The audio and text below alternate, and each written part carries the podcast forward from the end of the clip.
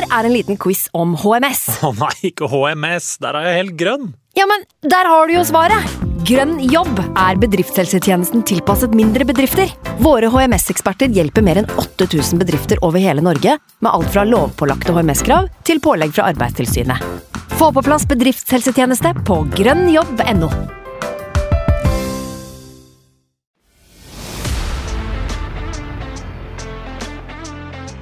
When I lose a duel, I'm upset. When I lose the small side of the game, I'm upset. Because that's the fucking standard. Martin Odegaard has hit it into the bottom corner. And Arsenal are dreaming. Here they come again.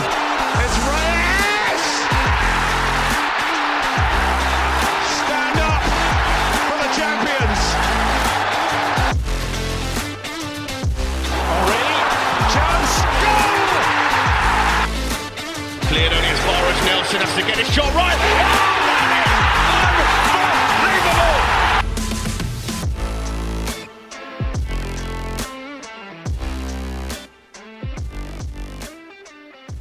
Signe Husfreden og hjertelig velkommen til en duggfrisk og uttappa episode av Arsenal Station. Det er comeback time, og vi lover et noe bedre comeback enn Rosenborg etter Rekdals uh, exit. Sorry til uh, trønderske lyttere. Det er altså så deilig å være tilbake med ny giv, ny intro og ny ordstyrer. Håper dere nøt den nye introen. Den er selvsagt altfor lang, da i tråd med de fleste av episodene våre. Men nok vafling. Eh, I tillegg til poddens veteran, meg, Magnus, har vi med oss Martin Ødegaards bestis. Mer om Siverts hjertelige relasjon til Arsenal-kapteinen litt senere. For det er nemlig høytid i podkasten. Ordstyreren er død. Lenge leve ordstyreren. På vederlagsfri overgang fra arktiske strøk har vi forhenværende Mr. Arctic Gunnerpod, Andreas Haga Larsen, som Simens offisielle erstatter. Hjertelig velkommen på laget, Andreas. Jo, takk. Det er jo en, eh, en ære å få tre inn i, i så store sko som, eh, som Simen har, eh, har satt ifra seg på trammen eh, på tur ut. Det er, det er veldig, veldig gøy å få være en del av det her fantastiske laget her. Du avslutta jo din eh, egen podkast nå den uka som gikk, vel? Eh, med Svanesangen sammen med gutta fra Livet som Gunner. eh, som fremdeles anbefales å lytte til. Lytte til. Eh, hvordan, altså, bare for å spørre deg med en gang eh, mens jeg har deg på lufta, hvordan hvordan er det å skulle tre inn i de skoa som Simen har? Han hadde store føtter, han eh, godeste karen fra ski. Ja, nei, det er klart man tar jo fatt på det med en eh, sunn dose ærefrykt. Det, mm, det er stort å få, få uh, ta over etter en som har gjort en, en så fortreffelig jobb uh, over så lang tid. Så eh, får vi bare håpe at, eh, at jeg er oppgaven verdig. Stafettpinnen eh, ordstyremessig skal jeg straks gi over til deg, Andreas. Men jeg tenker når vi tar en bitte liten prat om Simen her, eh, så tenker jeg jeg kan for så vidt lede den. Og Sivert, eh, ja du var jo i, i London den eh, helga rett etter at Simen eh, slapp den bomba. Hvor vi gikk rundt og surmula og surva litt og tenkte faen, hva skal, hva skal vi gjøre nå? Når eh, sjuende far i huset og den stødige hånda på rattet trekker seg. Eh, har du noen eh, rosende ord om Simen før vi offisielt gir eh, spakene over til eh, Mr. eh, Arctic? Ja, det er jo ikke, ikke vanskelig i det hele tatt. Det er jo For en stødig og, og bra mann, altså. Jeg vet ikke hva jeg skal gjøre nå. jeg. Har ingen å kødde med om Guinness, og ingen som drikker vin i panelet her. Og, og, og god kontroll på Arsenal hadde nå. Det er jo ikke dumt det heller, en Arsenal-pod. Så jeg kommer eh, samtidig som at det er fett å ha med Andreas, så kommer jeg til å savne Simen eh, ganske, ganske, mye, faktisk. Altså. Det er helt naturlig, det. Men eh, ja, det måtte jo holdt jeg på å si, bli sånn. Det er bare 24 timer i døgnet. Så det er deilig å ha med Andreas også. Ja, altså Det var jo ingen tvil om hvem eh, vi skulle spørre når situasjonen ble som den ble. Eh, umiddelbart så tenkte man hjelp når Simen trakk seg. Eh, for Simen har, som jeg vel nevnte i forrige episode, hatt en veldig viktig og essensiell rolle i podkasten. og det er derfor vi har hatt en pause nå. Um, rett, ja, fordi vi trenger litt tid på å tilegne oss de egenskapene uh, og den kunnskapen han hadde med tanke på alt som surrer rundt det å drive podkast. Og det som er fett med deg, Andreas, det er at du har jo drevet podkast sjøl. Uh, du kan det tekniske, du kan det praktiske, og du kan jævlig mye om Arsenal. Så du er jo den åpenbare kandidaten. Det var ikke noe intervjuprosess her, det var bare et spørsmål vil du være med. Svaret var ja. Så kan du jo så kan du også jævlig mye om uh, podden her. For du har jo lytta fast, og, og, det setter vi også veldig pris på. Så det er ikke like morsomt å lytte til egen stemme, da. det må jeg bare si. Men, men du får være med på praten, da. Ja, nei, det var jo egentlig ikke noe, noe alternativ heller når, når Magnus spurte om vi kunne ta oss en prat. og og jeg gikk til sides på jobb og tok imot en, en telefonsamtale, og da var det egentlig bare um, å svare ja med en gang. Det, når, man, når man får tilbud om drømmeovergangen, så, så, er det ikke noe å lure på. Da er det ikke sånn som det er nå med agenter, sånn at man setter seg ned med forhandlingskort og i det hele tatt. Da er det kjør litt mer Tony Edem-stil så lenge de legger en kontrakt på, på bordet, så takker vi ja. Så uh, det er veldig, veldig gøy. Tenk at det er to stykker i Europa som eh, glemmer alt av penger og luksus og, og, og, og, alt mulig, og bare følger hjertet sitt. Det er Andreas og Declan Rice. Vi skal snakke mye om Declan, den din gode, gode gutt Declan, eh, Sivert. Og som du sier, det er ikke noe Al-Hilal-kontrakt Andreas eh, går til her i Arsenal Station. Det er, det er femtedivisjonsnivå på den kontrakta. Knapt. Så det er ildsjeleri som er ute og går her. Og vi setter jævla stor pris på å ha deg med på laget, Andreas. Og jeg tenker at vi skal ikke bruke mer tid nå eh, på å prate om det. Nå må vi komme i gang med det som folk eh, virkelig eh, ivrer etter å høre om, nemlig det som rører seg på overgangsmarkedet. Det som skjer på Tjøme, eh, i vannkanten der, eh, og litt diverse. Eh, så da tenker jeg, Andreas, at jeg herved gir rattet til deg, så kan du styre sendinga. Vær så god. jo, takk. vi får se hvordan lytterne reagerer på det etterpå. Det kan hende at det blir ropa om at uh, Simen skal komme tilbake fra de døde, eller at du skal fortsette som ordforstyrrer. Men uh, vi får se. Nå har jo uh, Magnus uh, tisa litt grann her, da, Sivert. Jeg tror vi må hoppe rett ut i det. For et par dager siden nå så tikka det inn en liten video på chatgruppa vår på, på, Messenger. Det var ikke en hvem som helst som kom inn på polet på Tjøme. Ta og Fortell litt om det. Nei, jeg hadde jo Jeg hadde jo ja, det var en helt vanlig jobb da. da. Drev og viste 500 stykker hvor det er vin til rekene. Eh, hadde en liten halvtime jeg skulle slå i hjel i kassa. Eh, titter opp. Hei, hei, hver gang døra går opp. Helene Spilling var det som gikk inn der. Jeg tenkte at eh, det, det var jo kult. jeg, hun er jo sammen med Ødegaard. Så gikk døra opp 22 sekunder senere. Hei, hei igjen. Det var Martin der. Skulle ja, nå har jeg taushetsplikt på hva han kjøpte, men uh, vi har ikke så mye alkoholfrie varer, så han skulle vel kose seg litt i varmen, da. Uh, hyggelig, det. Uh, det aller morsomste med det er jo at altså han er jo Det virker som han er Det er en dårlig skjult hemmelighet at han er på Tjøme hver sommer. jeg møtte han jo i fjor òg, både i London og, og på Tjøme også. Så det som er aller kulest for meg, er jo at han kjente meg altså han kjente meg igjen. Jeg åpna ikke kjeften engang før han uh, sa å, halla, har du begynt med, har du begynt med vin? Uh, og så kjipt at vi ikke vant ligaen og noe i den duren, og prata, prata litt, da. Uh, og jeg så jo mitt snitt, jeg da, til å, til å be han om legg, da. jeg spurte jo først, selvfølgelig. kan jeg ta en snap av at jeg legger det? Han syntes det var var jævla moro. og Vi lo av det både før og etter. og Han fikk en, eh, en eh, jordbærkjærlighet for at han viste legg. og ja, Det var, det var fett, det. det. det. krever ikke så mye mer å, å, å, sette meg litt, eh, vippe meg litt av pinnen enn å få, få Ødegård på besøk. Så nei, det må jeg bare si, ass. Jævlig ålreit fyr. Eh, Gjennomsyra trivelig. Eh, han virker aldri brydd i det hele tatt. Og jeg hører litt uh, Altså, kjøper meg ikke stort, jeg hører litt rykter om at han har seg Han har spilt litt uh, nede på banen her med noen lokale kids òg. så det er jo dritfett. Sørlig.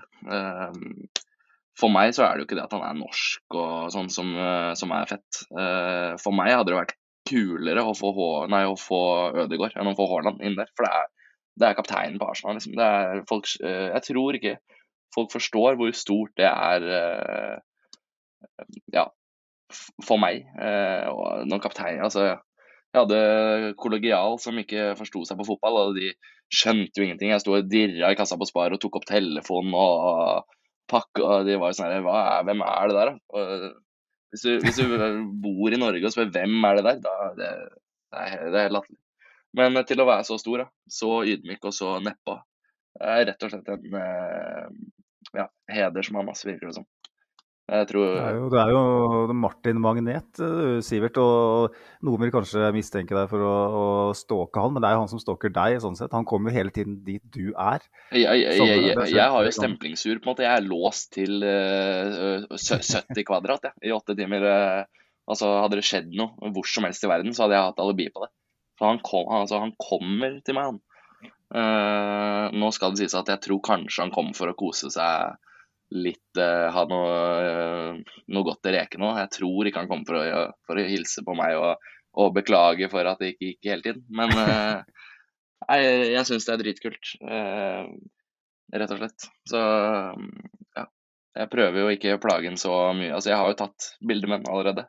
Så nå, nå prøver jeg å heller ja, gi ham litt albuerom, men han, han vet at jeg er der, for å si det sånn. Eh, Jeg er ikke skyggeredd for å slå en prat, og det er veldig hyggelig å få litt respons på det.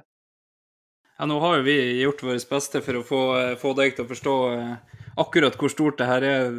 Ordene eh, sykehus og sinnsvakt og i det hele tatt alt av superlativ er jo kasta ut i den chatten der etterpå. Både jeg og Magnus har jo eh, gått i nesegrus, eh, ja, hva vi skal si, misunnelse og svartsjuka, som jeg kaller det her nå, da, for den, eh, den eh, ligger hardt over, over hjerterota. Jeg skrev det vel ordrett i chatten vår at hvorfor kunne ikke Martin Ødegaard være interessert i malmgruve oppe i Mo i Rana, for da skulle han, eh, skulle han ha fått hilsa på meg. Men eh, nei, det, det er enormt det at, eh, at han rett og slett, i tillegg, som du sier, kjenner deg igjen og, og, og tar deg på, på både navn og, og dette smekre utseendet i kassa der. Det, eh, det, det er stort.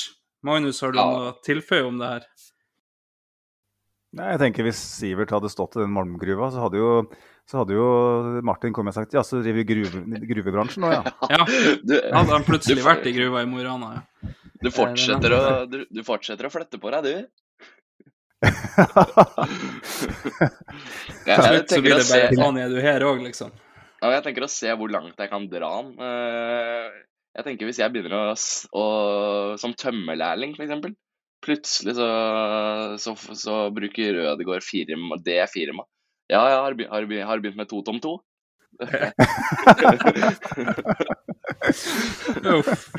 Nei da, det, det, det hører vi at det, det, er ikke, det er ikke de edlere dråper som trekker kapteiner, det er rett og slett personellet i, i polet. Så um, Nei, det er smått sinnssykt. Om han kjøpte alkoholfri sider eller 60 det kan jeg ikke bekrefte. Det har jeg ikke lov til, eh, dessverre.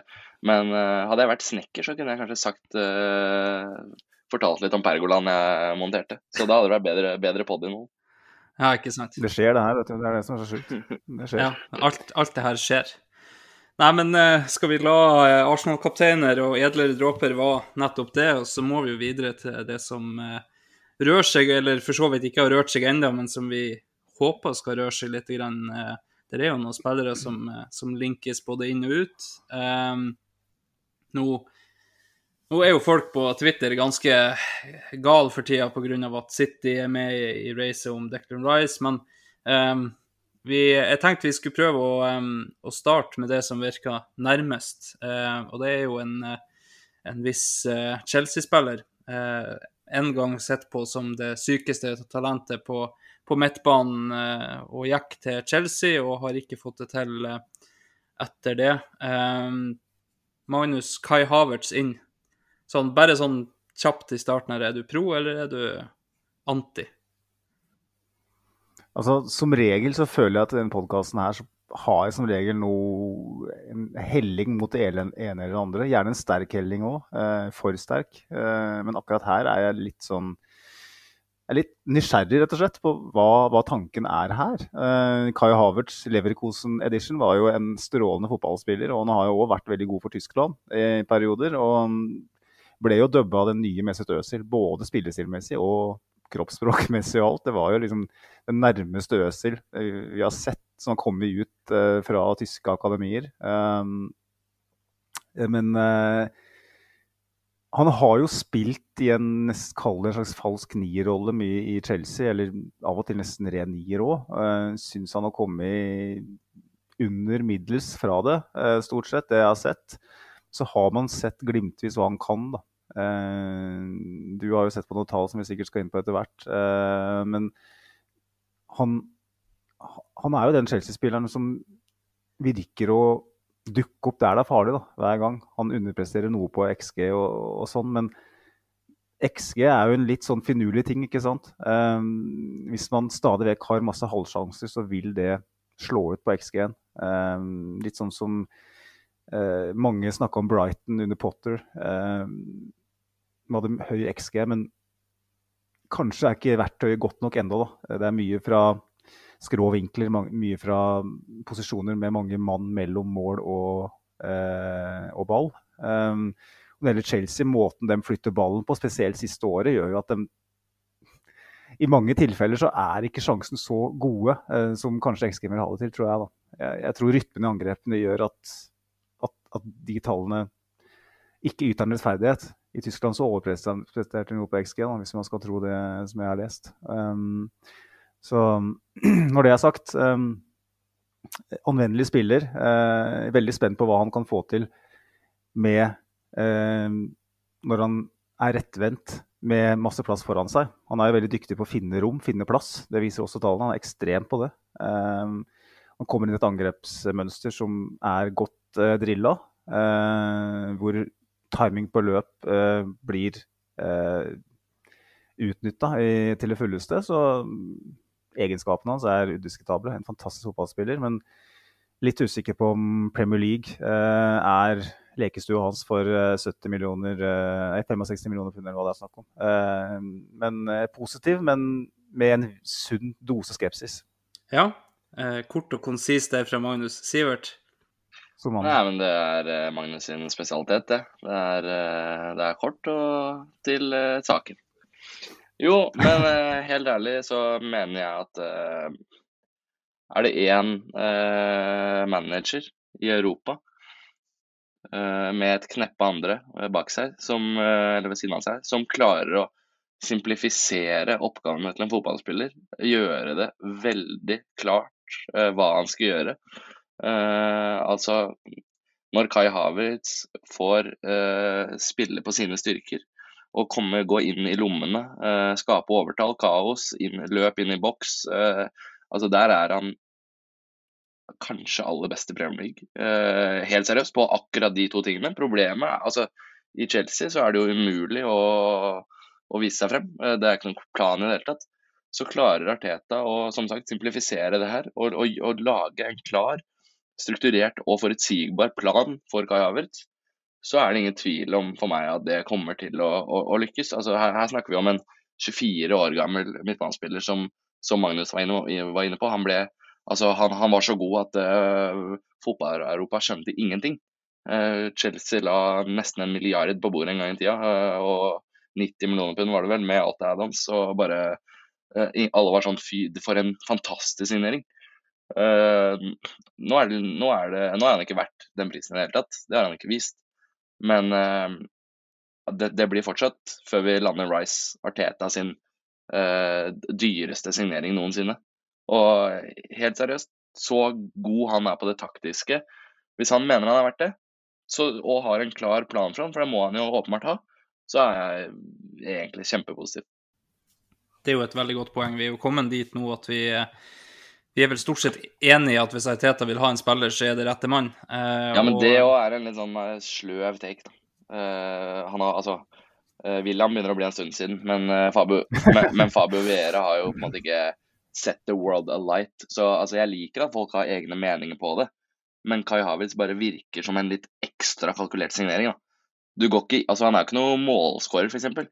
Du går ikke inn i markedet og tenker å, Jesus, nei, vi må ha noe litt mer eh, profilert på topp der, som putter 20 pluss. Kai Havertz, ja. Nei, nei, det, det, er jo ikke det du gjør i det hele tatt. Her snakker vi systemspiller.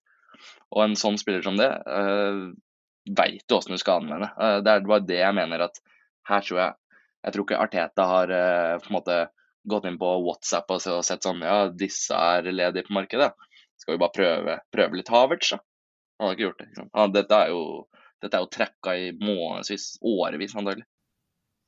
Ja da, det er nok et, et, godt poeng i det. Og vi ser jo Kai Havertz kan jo eh, løse flere problemer for oss eh, med tanke på eh, kvalitet i, i, flere ledd og kvalitet eh, i Hvis det er en backup han skal være, så, så er det en kvalitetsbackup. Hvis han skal spille som førstevalg i et system, så er det kvalitet der òg. Og, og, kan bekle flere roller, som Magnus har vært inne på. Så, så han spiller både falsk nier og, og omtrent ren nier i Chelsea. Han har spilt litt høyreving. Han har beveget seg veldig mye Eh, rundt spesielt eh, på høyresida av en, eh, en angrepstrio der.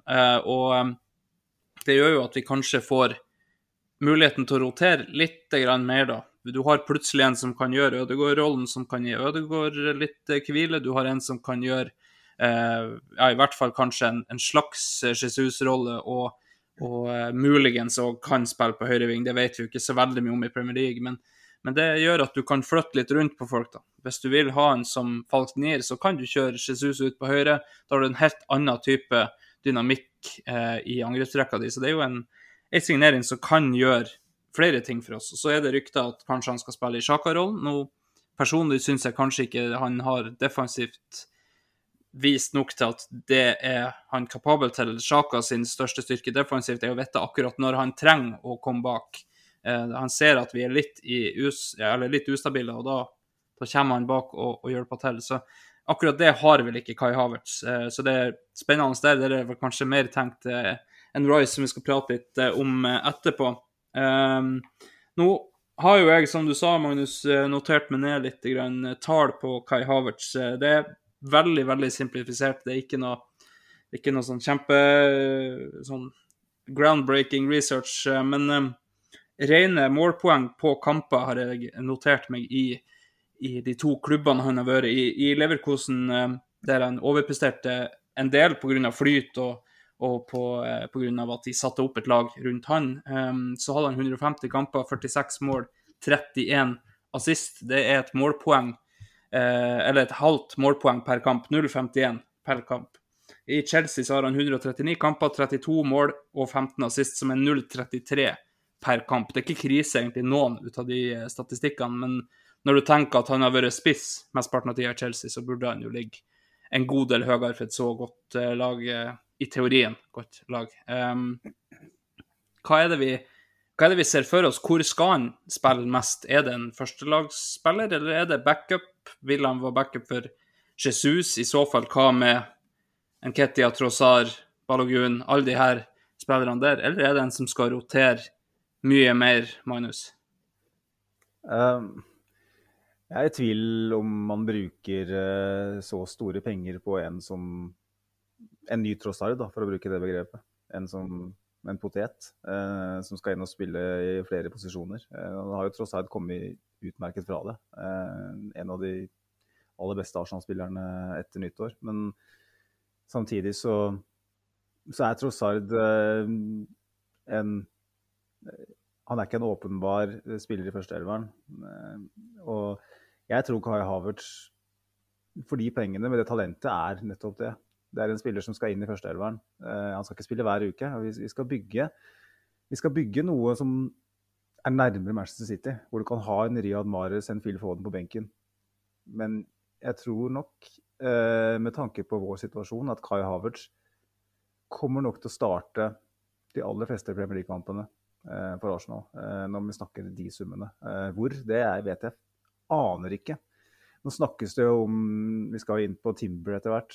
Timber. Jeg er helt sånn amerikansk eh, hogstarbeider. Det er, det er som hvis Sivert hadde vært det, så hadde sikkert Rødegård eh, farta ned og spurt om han drev den bransjen. Men ehm, jeg håper jeg ikke blir lav her, for nå har mikrofonen min plutselig justert øldrikkingsmessig. Men jeg, jeg tror at, eh, at Ariteta har en veldig klar plan på hvor han skal spille. Jeg tror han blir mer rendyrka enn det folk kanskje tror nå. Eh, Timber in vil bety at vi kan eh, Litt sånn som vi gjorde med Thomas Party på høyrebekk. Vi kan snu litt på eh, hele laget. Vi kan flippe det rundt. At vi har den inverterte på høyresida, eh, bekken også, i stedet for på venstre. Timber da som en høyre, høyrebekk som trekker inn. Eh, kanskje da kjører man en Kivior eller til og med en Gabriel på den venstre bekkplassen. Kjører White inn som, som høyre stopper. Eh, aner ikke. Eh, men jeg tror nok at Kai Havertz er tiltenkt å starte mellom 25 og 32 kamper, i alle fall, i Premier League. For det, når vi snakker slike summer også. Men jeg bare tror ikke Arsenal er i en posisjon til å bruke så mye penger på en som skal starte 15 kamper. Eh, så jeg er som sagt ekstremt nysgjerrig. Ja, Sivert. Nei, nei, jeg tror at vi kommer til å se en ganske sunn utvikling i det Arteta-prosjektet her. Altså, Laget til Arteta er jo forbanna dynamisk. Um, så in game så tipper jeg vi ser en som spiller uh, bak Jesus uh, i en slags um, ja, uh, Ødegaard skal selvfølgelig også inn i de lommene der, men i en slags venstre tier, hvor han skjærer inn og holder bredden når det er nødvendig, og, løper inn i boks. ja, så jeg har trua på en slags venstre tier-posisjon. Uh, det har han også spilt litt for, uh, for Chelsea. Altså, da får du en 3-2 uh, Man tenker 3-2-4-1 får du vel da. Uh, hvor han da går inn uh, i lommene der. Og det har vi også sett han gjøre for Chelsea. Han gjorde det mot Dortmund i Champions League f.eks. Hvor han var banens klart beste. Skåra, skapte to sjanser, vant ball tilbake sju ganger. Jeg så på tallene her i stad. Uh, 100 av driblinger uh, og alt, og hadde en fantastisk kamp. Så som sagt, uh, når du ikke får råmateriale Kai Havertz, men en definert Kai Havertz, så tror jeg det her blir knall. Altså.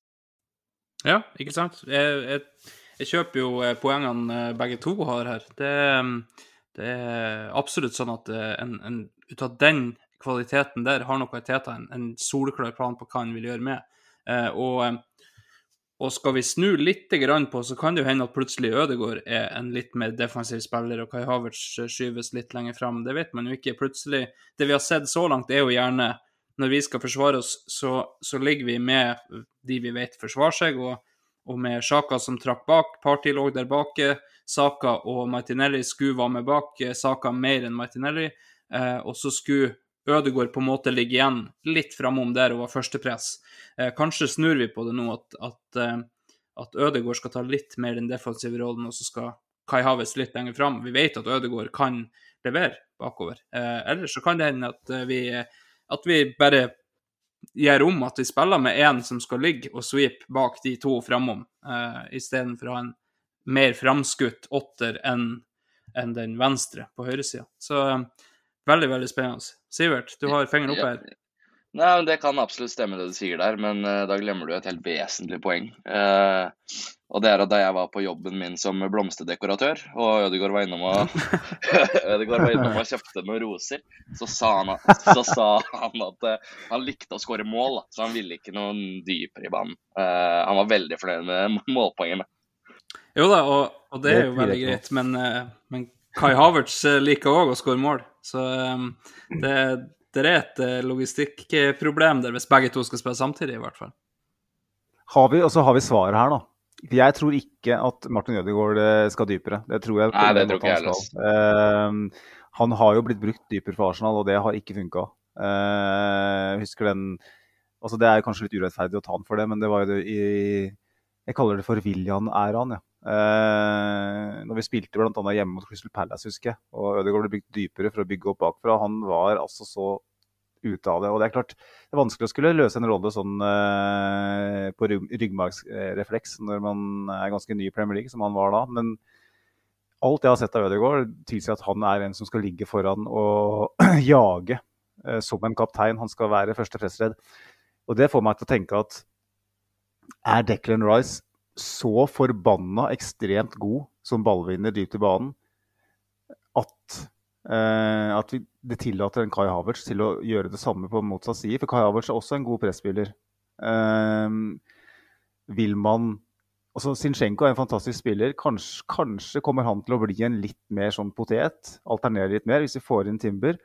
Og så får vi inn en av stopperne våre som en venstreback. og så blir rett og slett Timber høyrebekken vår i mange kamper. Og Ben White et alternativ for Saliba og, og Gabriel.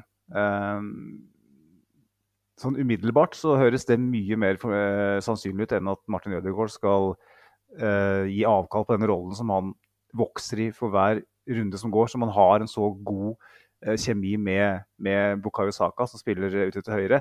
Og jeg er helt sikker på at Jurien Timber kommer til å få en helt fantastisk relasjon med Martin Ødegaard. Ja, ja. Nei, men da, da, legger jeg meg så, så, flat som det går an, såkalt kupert.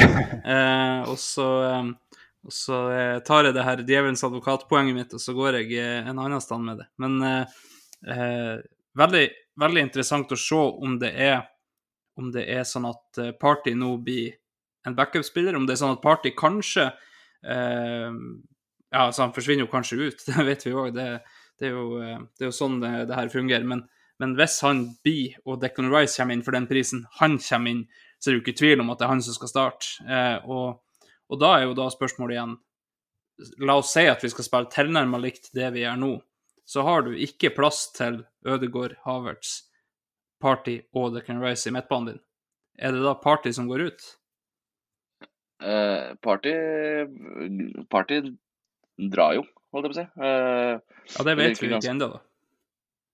Jo, men det, altså, det bygges for en framtid hvor han ikke er tilgjengelig, i hvert fall. Så jo da, jo da. om han Så altså om, uh, om det ikke blir så definert det fram til januar eller sommeren, og, og og at han spiller litt, eh, så er det fortsatt den brikka som skal først ut. Eh, så, så svaret er nok uansett ja. Det er, det er party, det bygges. Altså, det er, altså, vi utvikler laget til en til, altså, til å ta det neste steget uten party. Det virker ganske tydelig. Ja. Men uh, Sjaka og Party ut samme sommer har jeg jo for så vidt uh, vært veldig skeptisk til. Uh, Andreas, uh, er, du, er, du, enig i det? Ja, altså Det har vært en stabilitet nå for oss over, over, flere sesonger. Så kan man jo si det at det dabba av mot slutten av sesongene og, og, alt det der, der. Men, men å skal rocke opp La oss si at du bruker midtbanen som en trio, da, så rocker du opp to av tre i den midtbanen som har fungert så bra for oss.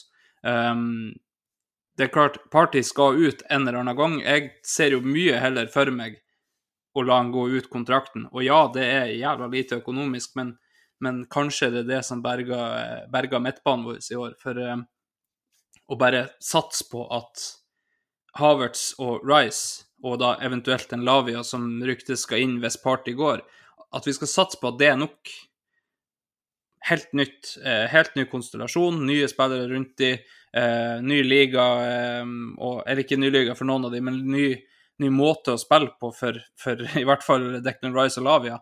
Kai Havertz spiller nå vel tilnærmet sitt spill uansett, men, men jeg er òg veldig skeptisk til å, til å, ødelegge så mye av det i år. så, og Party var han var eh, Premier Leagues beste midtbanespiller i, i høst, eh, i fjor høst. Så jeg, jeg syns det er veldig skummelt å skal hive ut begge de to. Har du noen tanker rundt det, Sivert? Ja.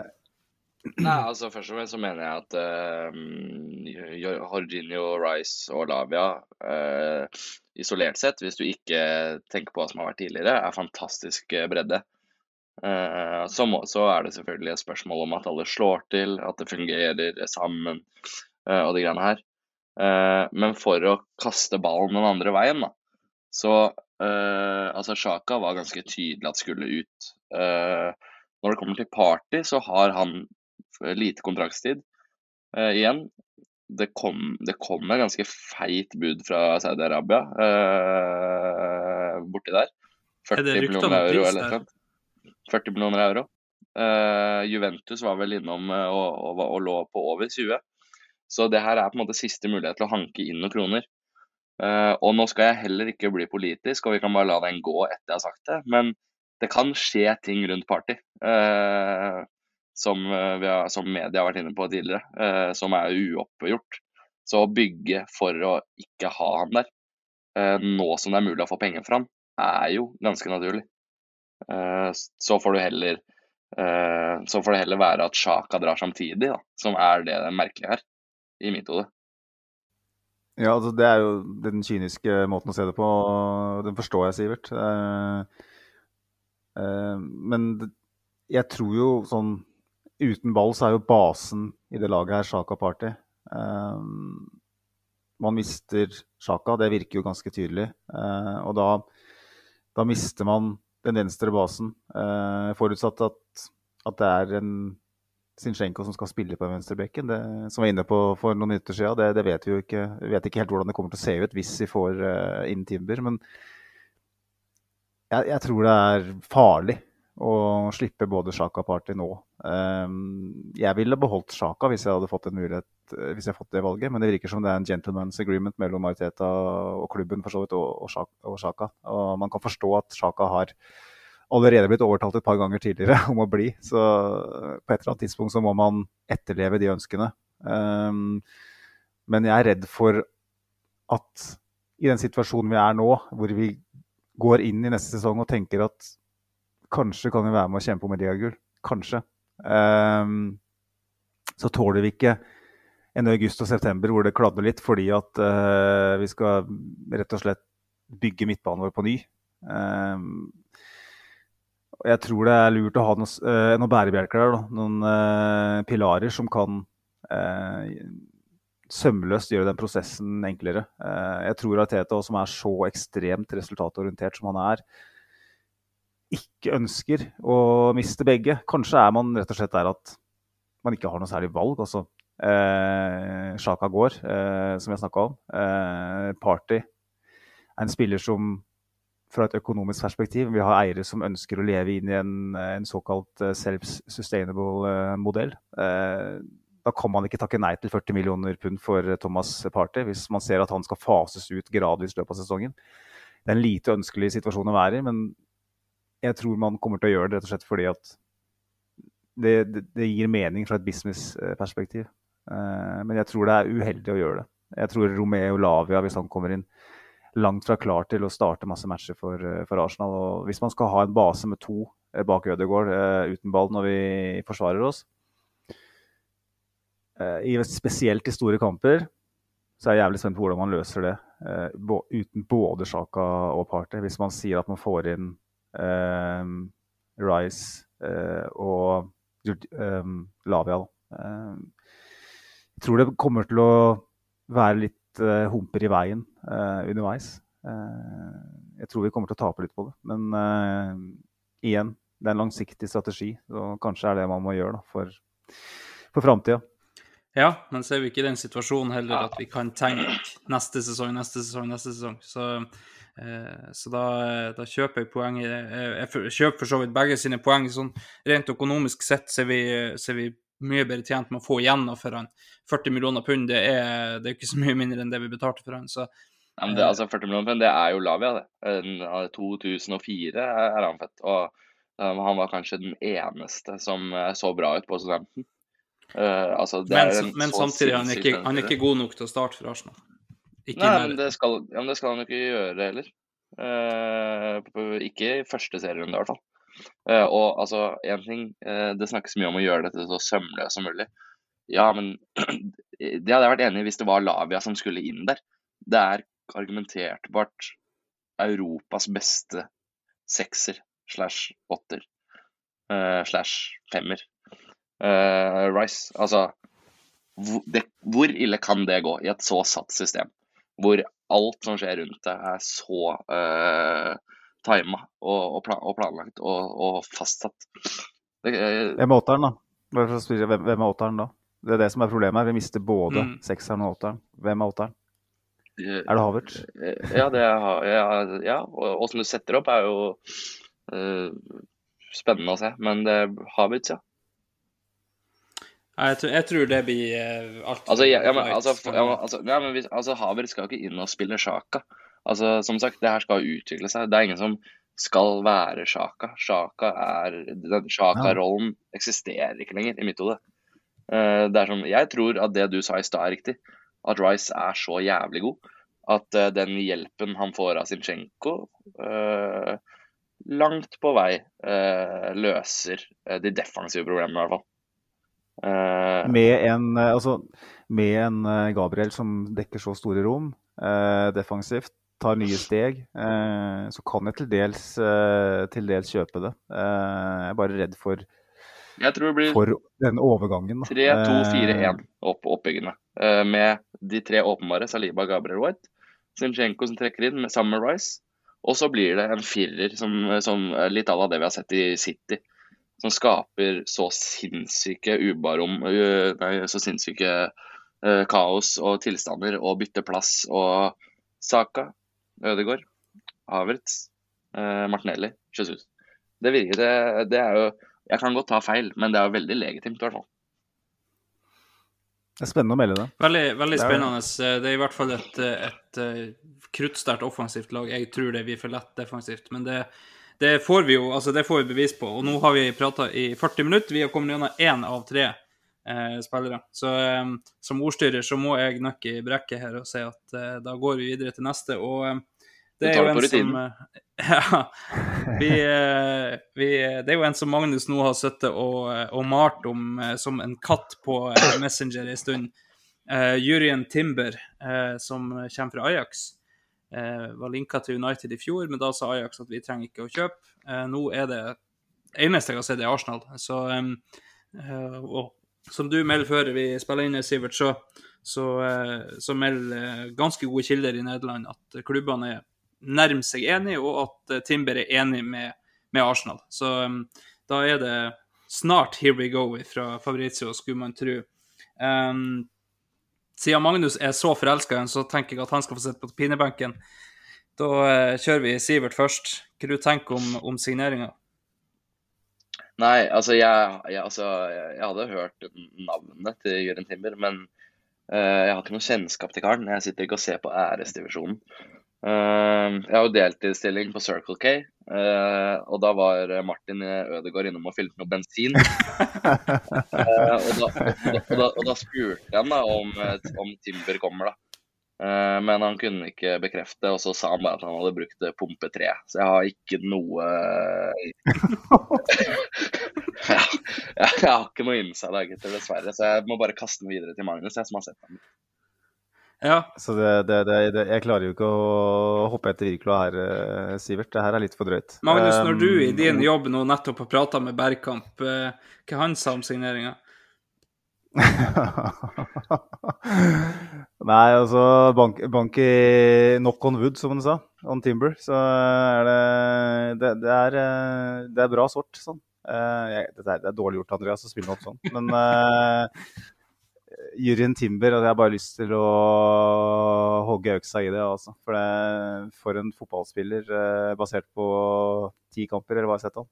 Eh, og det er jo altfor lite, selvfølgelig. Men jeg så den første gangen i EM 2000 og 2001, jeg håper si. 2021 heter det. Jeg, er, så gammel er ikke Timber, selvfølgelig. Det er ikke så mange ringer i stammen hans. Eh, men han, jeg så han for Nederland da, som høyre stopper i en femmer, var det vel. Eh, I det utsatte mesterskapet da, som gikk i, for to år siden. Eh, han var 19 år, og jeg satt og så litt sånn casual på, på matchen. Og jeg er litt sånn at når jeg gjør det, så, så kan jeg plutselig bare eh, At det er en spiller som spretter ut av skjermen, på en måte. Så du bare Oi, her er det noe spesielt. Her er det et råmateriale. Kanskje burde jeg vært speider, eh, fordi at nå har jeg både kjørt Trossard og Timber inn i Arsenal, virker det som. Men eh, dæven døtte sykkelstøtte for en uh, spennende spiller. Uh, da var han som sagt 19 år, og han hadde en sånn ro med ball uh, og en evne til å orientere seg med ball som, som minner litt som en Fabregas uh, når han var 17 da, i Arsenal. Altså, helt unaturlig moden i, i spillet. Og bet meg merke han. Og har jo da sett en del Nederland i mesterskap og i kvalifisering etter det. Jeg har sett litt Ajax i Champions League. De har jo spilt bl.a. litt mot engelsk motstand i Champions League, Ajax. Og, og Timber er altså så spennende. Eh, det er sånn at jeg setter meg ned og ser en Ajax-kamp i Champions League bare for å se på Timber. Eh, vi er der. Han har litt sånn Saliba-gener med ball. Han slår, han, han slår den ballen gjennom ledd nesten uten å, å, løfte blikket, for han er så orientert. Han har Ajax eh, Eller nesten liksom La Masia-skanningsevne. Han, han skanner rundt seg hele veien. I tillegg til det så har han jo en veldig god pasningsfot. Han er ekstremt god på å gå gjennom ledd. Han er teknisk veldig god, tar imot ball feilvendt. Eh, det kan være en pasning som er kjempehard, og han kontrollerer den med største selvfølgelighet. Han går inn i midten, han trekker på seg mann. Han går eh, Han kan slippe en, en stikker med, som er godt vekta. Og så er det selvfølgelig spørsmålet da han, også, han, er ikke like sterk defensivt som Saliba, for å si det sånn. Um, litt mindre av vekst, uh, litt mindre kraft og styrke. Håpløs på hodet, har jeg lest. Han er jo la, relativt lav. Uh, jeg kan ikke ikke, de kampene jeg har sett han, så har stort sett laget hans styrt matchen. Så jeg kan ikke si at jeg har sånn kjempegod eh, kunnskap om hvor god han er i boks. Men han er rent teknisk taklingsmessig så er han god. Eh, timer taklingen sine godt, har treffer ball eh, av det jeg har sett. Eh, men i lufta, i boks, så, så, gjør det at jeg tenker at kanskje er det høyrebekk han kommer inn for å være. da. Kanskje er det ikke et, et, rent alternativ til Saliba. Jeg tenker Vi bruker heller ikke 40-50 millioner euro på en backup der. Ehm, jeg tror, og det er litt vondt å si til eh, blomsterdekoratør eh, Eriksen, at uh, hans store favoritt bak Ødegaard er um, Benny Blanco kanskje mister plassen sin i laget i den høyreback-posisjonen. Ikke så mister og mister, vi skal jo alternere, men jeg tror Timber er bedre enn uh, Ben White i den Men, uh, Hvis man inverterte høyrebekkrollen, hvis man skal løse den på en litt annen måte. Hvis det er sånn man skal gjøre det, litt man gjorde, som man gjorde med Party nå mot slutten av uh, sesongen. Og da så har jeg sagt flere ganger at jeg syns Ben White er bedre som stopper enn som, som høyrebekk. Så um, jeg ser en veldig tydelig plass for Timber i laget, og jeg tror det er Timber for 40 millioner euro er et røverkjøp potensielt. Og så får vi se da hvordan han takler overgangen til Premier League, for det vet man aldri. Nei, og det er statistikk som, eh, som backer opp de tallene jeg har skrevet ned på han, er stort sett eh, fiksert rundt pasninger. For det, det, var det, når jeg har lest meg opp på han, så er det nettopp det som, som popper ut. Eh, glad i å drible. Han snitter på 1,4 driblinger per match, som er ganske mye for en, en stopper eh, slash høyreback. Eh, og, og eh, har nå eller snittallet på 1,7 og 1,4 av de er successful, så det er jo relativt bra. Men på pasninger så popper han ganske, ganske greit ut. Eh, der snitter han på 80,2 pasninger per kamp i ligaen. Eh, og har en, passning, en treffprosent på 91,7, som er ganske heftig når du slår så mye pasninger som, som, det han gjør. Eh, så absolutt en som, som kan gå inn og, og være med mye mer i det oppbyggende. Um, oppbyggende enn en kanskje Ben White er, er veldig bra i Lamesaka, og Ødegaard har vært tidvis fantastisk, men jeg syns òg vi så det når, når, han kom inn som stopper nå på slutten, at der er han. Der er han superb. Det er bare fordi vi har en så sinnssykt bra stopper i Saliba eh, som gjør at han ikke starta foran Saliba. Eh, så, så, kanskje det er nettopp det å, å se på at Eh, vi trenger ikke kjøre Saliba ned i gulvet bare fordi han er så veldig fantastisk. Kanskje skal Ben White inn dit av og til, rullere litt på høyreback og, og stopper antageligvis. Men enig med deg, Magnus, det ser ut som ei, kjempesignering til, til høyrebacken vår. Er, altså, det er jo et utrolig deilig, en utrolig deilig tilvei. Altså, se for deg at vi hadde hatt Timber fra, fra med sporting-matchen. Så hadde vi antageligvis eh, kunne vunnet Premier League. Uh, da hadde vi ikke hatt de problemene vi hadde hatt i det hele tatt. Så det at vi gradvis og uh, dekker de etter hvert ganske få hullene vi har som, uh, som klubb helt der oppe, det er deilig å se. Ass. jeg ser jo begeistringen over Timber overalt på nettet. og jeg bare gleder meg til å få han inn. Eh, Det virker som en veldig økonomisk deal i dagens marked også. Så det er bare å få gjort. Ja, og Ajax er jo ikke akkurat de enkleste å forhandle med heller, så 40 millioner pund for en, en så Er det overmarsja ennå, eller? om- Nei, ehm, apropos, elefa apropos elefant i rommet. eh, så drev vel han og sendte noen tekstmeldinger til noen kvinnelige ansatte. Så Ja, han forsvant, han forsvant ut. Eh, Nei, jeg, jeg jobba jo altså, han måtte melde overmarsj. ja, ikke jeg, sant. ang- Angående det så satt jo jeg faktisk og sveisa litt, for jeg jobber jo som heismontør. Eh, Og da var Martin Ødegaard i heisen, eller? ja, altså Ut av heisen så kom jo Martin Ødegaard. da. Uh, og, og han hadde plukka med seg noen greier som skjedde med Overmars, så han ville ikke gå inn på det, men han mista jobben. Så jeg kom på det. Ja. Nå kan jo jeg, eh, kan jo jeg si det at det er lite sveising på heismontører, tror jeg. Det, jeg tror det er stort sett oppheng av vaier. og jeg, jeg har vært litt grann med på, på sånt. Og der, der røyk vitsen min. Ja, ikke sant. Det, en, Så- en, eh, Nei, altså jeg, altså, det, altså Dette her er litt sånn som når jeg går inn på et bilverksted, liksom, så sier de at uh, kardangfjøra di har uh, fått oppheng. Så sier jeg 20 000, ja ok, det er greit det. Så jeg kjøpte alt du sa. Jeg, Ja, men, ja, ja, ja, men jeg skjønner ikke du, du, Å sage den vitsen Jeg sa jo også i stad at jeg var snekker og monterte pergola. Det, er jo, det gjør jo privatpersoner. Du må jo bare la, bare la Men snekkere gjør det òg, så det er helt greit. Men uh, vi skal ikke eh, henge oss opp i det her uh, kardangfjæret som har fått oppheng i bilen til eh, Magnus. Ja. Jeg hadde uansett en ganske kort karriere som heismonter. Uh, det funka ikke helt med dybdesiden. da. Nei, ikke sant. Det er nettopp det. Du ser ikke om den går opp eller ned. Det er helt riktig. Ja, nå er vi på høyt nivå, gutta. Men eh, altså, da er vi jo egentlig veldig enige i at eh, Timber det blir fantastisk. Så eh, det er bare å ønske velkommen. Eh, og den er vel eh, sånn som jeg hørte på Fabrizio nå tidligere i dag, så er jo den eh, i løpet av neste uke, så ser det ut som den skal være ganske så ferdigstilt. Så det blir veldig, veldig spennende. Og så Favorittovergangen min kommer vel nå. ja, for den har du meldt inn ganske, ganske heftig på både Twitter og Messenger og alt som er av sosiale medier. Så eh, når, eh, når eh, Reece får reisning av Rice, eh, og, og, Sivert, eh, og Sivert bare innkasserer den her der, eh, så, eh, så skal vi stå og, og hylle deg som den guruen du er. Men eh, foreløpig så er det bare rykter. Eh, og det, Nå leste du, nå, nå leste du for manus, eh, håper jeg, Andreas. Den uh, reisnings... Den, eh, eh, Den kom faktisk eh, fra toppen av hodet. Holdt på å si eh, kom jeg òg litt sånn eh, i, i den sammenheng. Men eh, nei, den kom rett, uh, rett fra luften her, så uh, det var ikke noe manus. Men, men så, sånn er det bare når du, når du er vant til å holde på alene. Så, så blir det Jeg kan, jo, jeg kan i hvert fall ta det siste min informant har fortalt meg om Rice, da. For det er ikke noe farlig å ta. Jeg må bare hente, finne mobilen her. Jeg var på stranda i stad. Så ble den litt våt, så jeg måtte legge den i ris. Men der.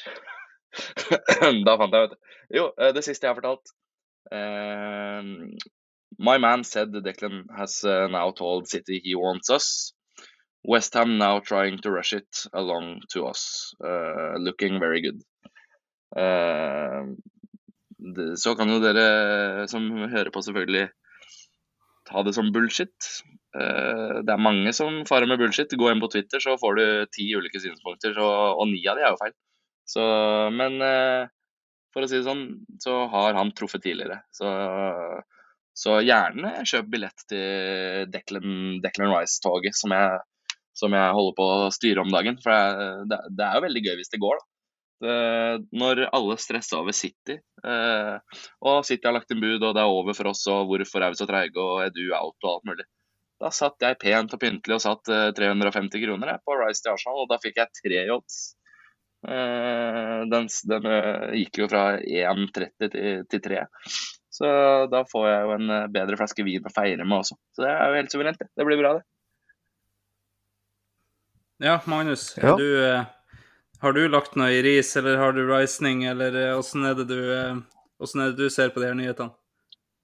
Nei, jeg har jo sett for meg at jeg skal gi litt ris til Sivert etter hvert, men uh, på bakrommet. Men uh, jeg har um... Ikke bland mamma oppi det her. Ja, nei, altså, kjære sønn, jeg har ikke, ingen planer om å ta det her på lufta igjen. Eh, hockeyen til store, Tore Strømme den eh, vokser vilt eh, i, med tanke på det her. Uh, jeg har Huff a meg. Jeg har, eh, jeg har um, previous på det her, uh, hvis det er lov å si det. Jeg har um, jeg Mulig jeg har sagt det på lufta før, jeg er usikker. Eh, Andreas kan sikkert, eh, sikkert arrestere meg i så fall, for han har jo hørt på alle episodene våre. Men eh, en overgang er aldri boks eh, når man sier 99 eh, 99% er ofte det samme som 50 Ting endrer seg ekstremt fort i det farvannet der. Eh, Jamie Vardy var jo på det nærmeste klar for Arsenal eh, tilbake i 2016, etter Leicester-sesongen. Han var på Colony. Jeg fikk jo meldinger da eh, fra den kilden min, som dessverre eh, har begynt med morsekoder. Eh, forstår eh, ingenting lenger. Det er ikke noe, får ikke noe eh, matnyttig lenger. Får ikke, noe, får ikke noe jeg kan bruke. Så eh, det jeg fikk den gangen, var at Jamie Vardy er klar for Arsenal. Eh, tre uker før ryktene kom. Eh, alt var i boks, alt var ferdig. Jamie Vardy var på London Colony, eh, poserte i Arsenal-drakt. Kontrakta lå klar, mangla et pennestrøk. Eh, så stakk var de med halen mellom beina tilbake til, eh, til Leicester og signerte en fet kontrakt Så, så er jo, ja, det, det er jo poenget her, da. Jeg så på et intervju med Troy Dini her om dagen, hvor han sa det at uh, Jamie var jo aldri i realiteten eh, på vei til Arsenal. Altså, dette gjorde han jo for å få en feit kontrakt i klubben han ville være. Uh, altså, Rice skal vekk. Altså sånn Jeg er helt enig i det prinsippet om at ting endrer seg. Bare, og, og, og vi så det jo mm, med Douglas Louise i januar, når vi Villa bare nei, nei, nei, uansett hva du ga. Og vi har sett det hvis du går litt lenger tilbake i tid. Iguain, Benzema, de her skulle jo De var jo Arsenal-spillere i tre måneder, de. Så jeg er helt enig i at det ofte er konkret interesse, og så går det ikke. Og, og, men det her er annerledes. Altså, det her er eh, For Westham så er dette en sinnssykt økono eh, bra økonomisk eh, deal. Eh, 90 millioner eh, som de bare kan eh, bruke på um, halvgode 31-åringer og havne på 17.-plass. Det er jo herlig. Eh, også, og, men for Rice så er det jo drømmeovergangen. Altså Han kan fortsatt bo nærme familien sin, som eh, av det jeg hører er veldig viktig for han. Bo i London er veldig viktig for han. Spille Champions League, veldig viktig for han. Eh, i, og, og, og han ja, Ødegaard sa vel det tilbake eh, Altså, tjommien min, han sa jo det tilbake når han ble signert, at eh, når jeg ble henta, så lå Arsenal vel på eh, Eller sorry, da samtalene begynte, lå vel Arsenal på 15.-plass eller noe sånt. Men når du går inn i en Zoom-samtale med, med Arteta, så går det ikke an å gå ut uten å, uten å sluke alt han har sagt. Og, og det jeg hører, og det virker jo veldig tydelig i media òg, det er jo det er, Rice er jo solgt. 100 solgt på Arsenal. Ja. Ja, altså, det, det, det her tviler jeg ikke på. Og på siden, når, du, når du var ansatt eh, i et firma som mental coach, og Martin Ødegaard kom innom, så Det er helt riktig. klart at, klart at det ble Det jo, samtaleemne. men, nå er vi inne på eh, taushetsplikt igjen, eh, Magnus. ja, vi må ta de yrkene han ikke har taushetsplikt. Ja, det er Ja, snekker, det er det- snekker, har jeg sagt. Jeg vil bare, bare nevne at Jarl Goli har jobba som mental coach, så det er, det er mulig for alle. Det er faktisk veldig mulig. Ta deg en Eh, potet. Ja. Gå inn på YouTube og søk Jarl Goli, folkens. Eh, Det kommer ikke til å angre.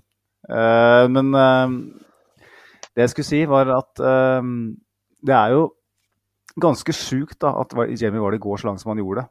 Stiller opp der i fotoshoot med den drakta. Eh, kan ikke eh, Rice bruke Arsenal på samme måte eh, for å få en kjempedeal i en annen klubb? Og så si at jeg vil kun til Arsenal.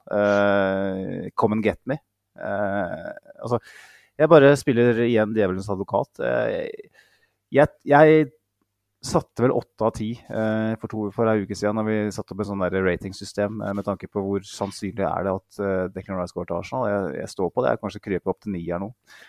Jeg kjøper alt du sier, Sivert, men jeg, jeg klarer aldri å være så sikker eh, som det du er. Eh, og du skal få masse ja, Som tidligere blom- blomsterdekoratør og heismontør, så skal du få masse roser og elevasjon av meg. Også. Det- Der missa du er deilig. Ja, det har jeg aldri hørt om. Nei, ikke sant. Nei, men eh, han er, du må huske på at han er fra, fra Løten. Han kjøper jo ikke roser til dama, han kjøper jo motorolje. Altså, det, her er, det, det er pent sagt, uh, Sivert. Altså, apropos smøre, men uh, jeg har uh, jeg, smør, jeg smørte med roser sist. Vi hadde elleveårsdag her for, for noen uker siden, og da, da ble det med roser. Det er vel første markeringa. Jeg glemte på tiårsdagen, så tenkte jeg elleveårsdagen er fin. Det er litt sånn eh, 15. februar-rose.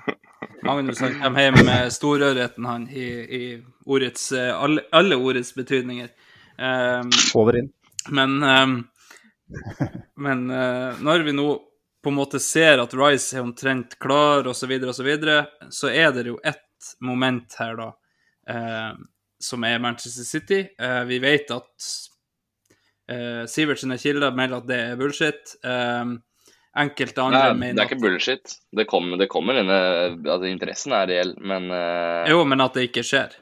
Ja, Eh, det gjør det ikke. Så problemet er bare at eh, det her har vi sett i januar med en Mudrik som òg var ganske solgt på Arsenal og, og satt med Arsenal-drakt og, og la ut på Instagram og i det hele tatt. eh, Det største faremomentet her er jo Westham. Eh, fordi at ja, han har vært en tru tjener for Westham, men eh, faktum er at det her blir antageligvis den største overgangen de noen gang kommer til å gjøre. Eh, og da da er det det der med at hvis, hvis City virkelig vil ha Declan Rice, så kan de gå til et nivå ikke, vi, vi har ikke sjanse dem dit. Eh, på samme måte som når, når Chelsea bare la 100 laken på, på bordet for, eh, for uh, Mudrik. Så det er litt der at eh, Declan Rice er garantert helt solgt på Arsenal. Han vil til Arsenal, alt det der der.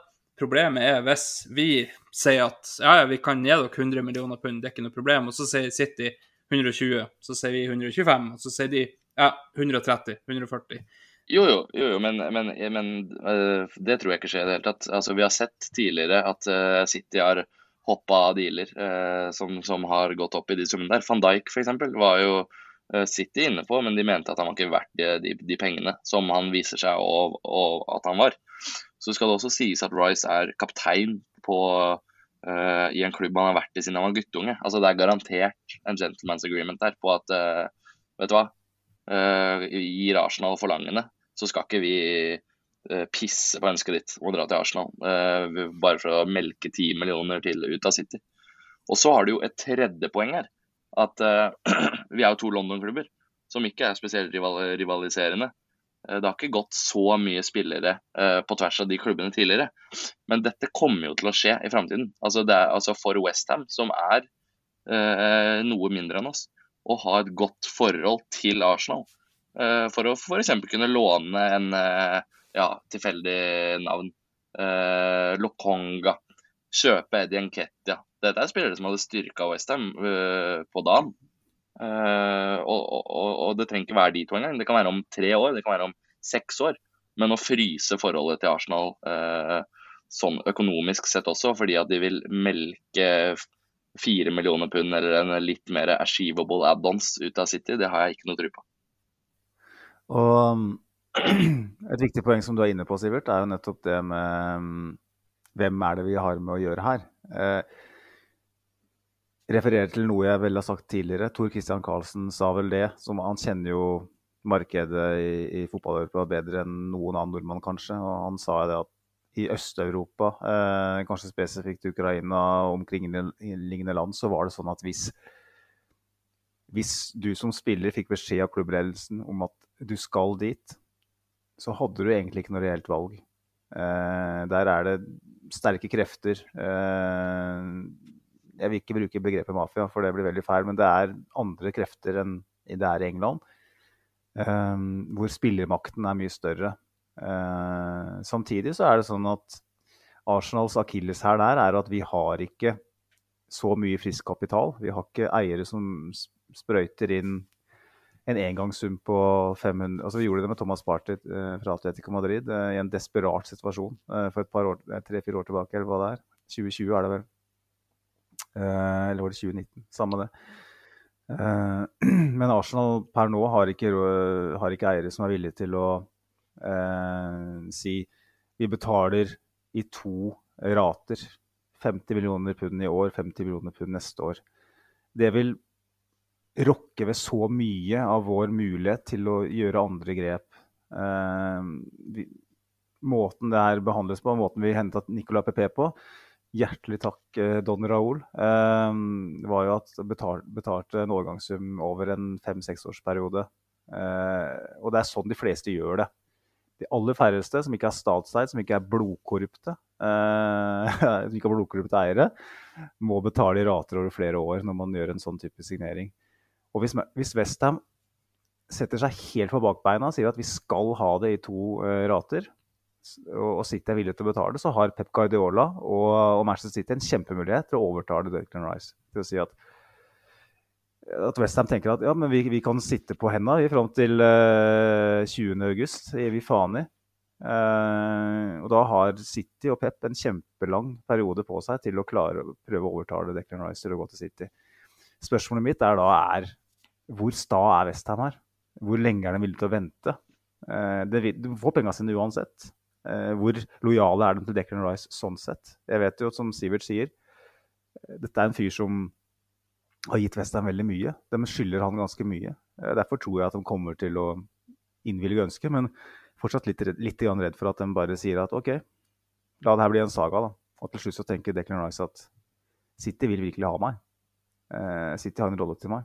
Eh, jeg tror det ikke skjer, men det er en mulighet. Da. Det er derfor ikke jeg tør å være like bastant som Sivert er. Ja, og nå, nå prøver jo jeg å, å være litt djevelens advokat eh, når jeg setter opp på den måten jeg gjør. Jeg, jeg tror heller ikke at, eh, at Declan Rice eh, er, så, er så liten oppi den sagaen der at han, han, ikke har noe påvirkningskraft i det hele tatt. Eh, jeg sier heller ikke at Westham er et sjaktar som skal tyne ut mest mulig, men interessen deres er helt klart, som Magnus sier, at det skal bli en så langtrukken saga som overhodet mulig. sånn at eh, det er større sjanse for at de som har det vinnende budet, da, er aktuelt for Declan Royce. Eh, jo, men, men, eh, for det første er det jeg fortalt, det motsatte av det her. At Westham vil få det gjort. Eh, altså, de, de, vil jo, de, vil jo, planlegge for neste sesong, de også.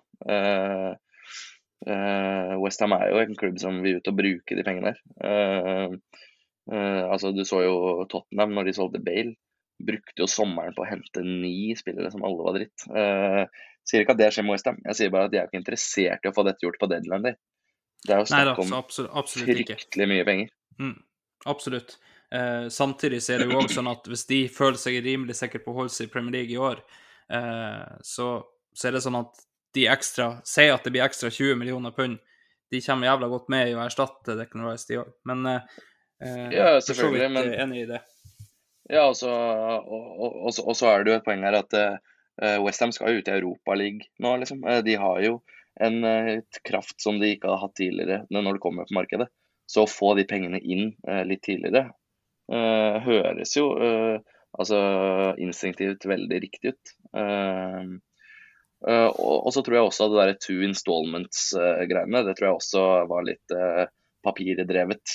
Uh, litt, uh, rumors uh, talk. jeg tror at det kommer til å skje på tre, fire til og med kanskje. Og, og at heller problemet med budene til Arsenal lå på at add-onsa ikke var achievable nok.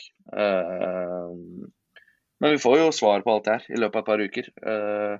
bottom line er jo at det ser veldig bra ut. Absolutt. Hvis vi skal ta de tallene jeg har skrevet ned på en kjapt før vi går videre til neste punkt, så, så er det sånn at eh, med tanke på det vi har snakka om tidligere, med, med, er han så god ballvinner som, som, at han kan holde på alene, så snitter han da på 2,1 eh, taklinger per kamp og 1,7 interceptions. Eh, som er relativt greit, i hvert fall med tanke på eh, hvordan rolle han hadde i Westham. Når, når det er snakk om pasninger, som òg kommer til å bli et viktig kriterium når du skal spille Hvis du skal gjøre partyrollen, så er det faktisk eh, vel så viktig som å vinne ballen. Um, så er det 56,3 pasninger per kamp han eh, på, som ikke er sånn eh, all verden med tanke på den stjerna han har i Westham, men samtidig så er det, det Westham. Det er ikke et, eh, et ballførende lag i like stor grad som de kommer inn på. og han han snitter på at han treffer eh, på 88% av dem. Det, det er relativt bra. Um, nå er det jo sånn at uh, For nå tenker jeg, nå beveger vi oss eh, litt videre ifra, ifra de tre som ryktes inn, for vi har bruka én time og åtte minutter på tre spillere. Da tenker jeg at det får være, var greit. Um, Så har vi snakka om litt off-air at vi skal sette opp noen beløp. Vi, vi tar skamløst nok og snapper den rett ut av eh, Arsblog, og så, eh, og så setter vi opp hva tror vi får inn, hva tror vi eh, vi kommer til å bruke. Um, nå er jo de tre overgangene her som vi har snakka om, de er jo på en måte fastsatt i verdi, da. Så der er det jo ganske greit. Vi kommer til å ende opp på antageligvis mellom 90 og 100 millioner pund på Deccan Rice, 40 millioner for Timber og 65 for Havertz er vel det som er satt som beløp. Um, nå er det ikke så veldig mye mer som ryktes inn. Vi kan vel ta Lavia òg, men, um, men uh, der òg er det vel for så vidt greie rykter. Uh, noe jeg tror vi kommer til å være mer uenige om, er jo det vi skal få inn når vi selger spillere. Um, skal vi begynne med deg da, Magnus? Jeg har ikke satt noen tall her ennå, men uh, vi sa jo da 65 på Havertz. Vi satt uh, Jeg sier 95 på, på Rice. Jeg sier Hvis jeg sier pund, så tenker jeg 45 på Timber. og så tenker jeg at vi kårer en midtbanespiller. Om det er Lavia eller ikke, vet jeg ikke, men jeg tipper vi kommer på 35 der. Jeg tror vi kommer til å melke Southampton litt der, sånn sett. Jeg tror ikke Som nynedrykka lag så kan de ikke be om hva som helst. Um, så tror jeg kanskje det kommer en overraskelse på å si 15 millioner pund. Uh, nå har jeg ikke kalkulator, men uh, Eller har jo for så vidt telefon, da. Uh, så det kan jeg for så vidt kjapt altså, Mens du regner, hvor dum var ikke hun mattelæreren min? i det herrens år eh, 2007, som da sa til meg at dette må du pugge. For du kommer jo ikke til å gå rundt med en kalkulator i lomma, du, da. I, i livet ditt. Jo, Lene. iPhone fins det. Jeg har kalkulator. Jeg, jeg, jeg, må ikke vite at jeg må gange før jeg plusser i, for å finne ukjente. Sånn, det var det jeg ville si. Det er bra det, Magnus. For altså, når, når, altså, når, jeg og du gikk på, eh, på matte på ungdomsskolen, så var det ikke så mye som het smarttelefon. Eh, så eh, da, da, var det ikke snakk om å gå med kalkulator. Vi hadde iPod Touch. Jeg husker ikke om den hadde kalkulator, men da måtte vi faktisk pugge. Nei, altså når jeg gikk på, på, skolen, så var det sånn der skrivemaskin med rettetast. Det var det for noe. Det, når, når dere gikk på skolen, fikk dere beskjed om at bilen aldri kommer til å erstatte hesten? dere? Nå, jo takk. Nå, jo takk. Nå snakker vi her.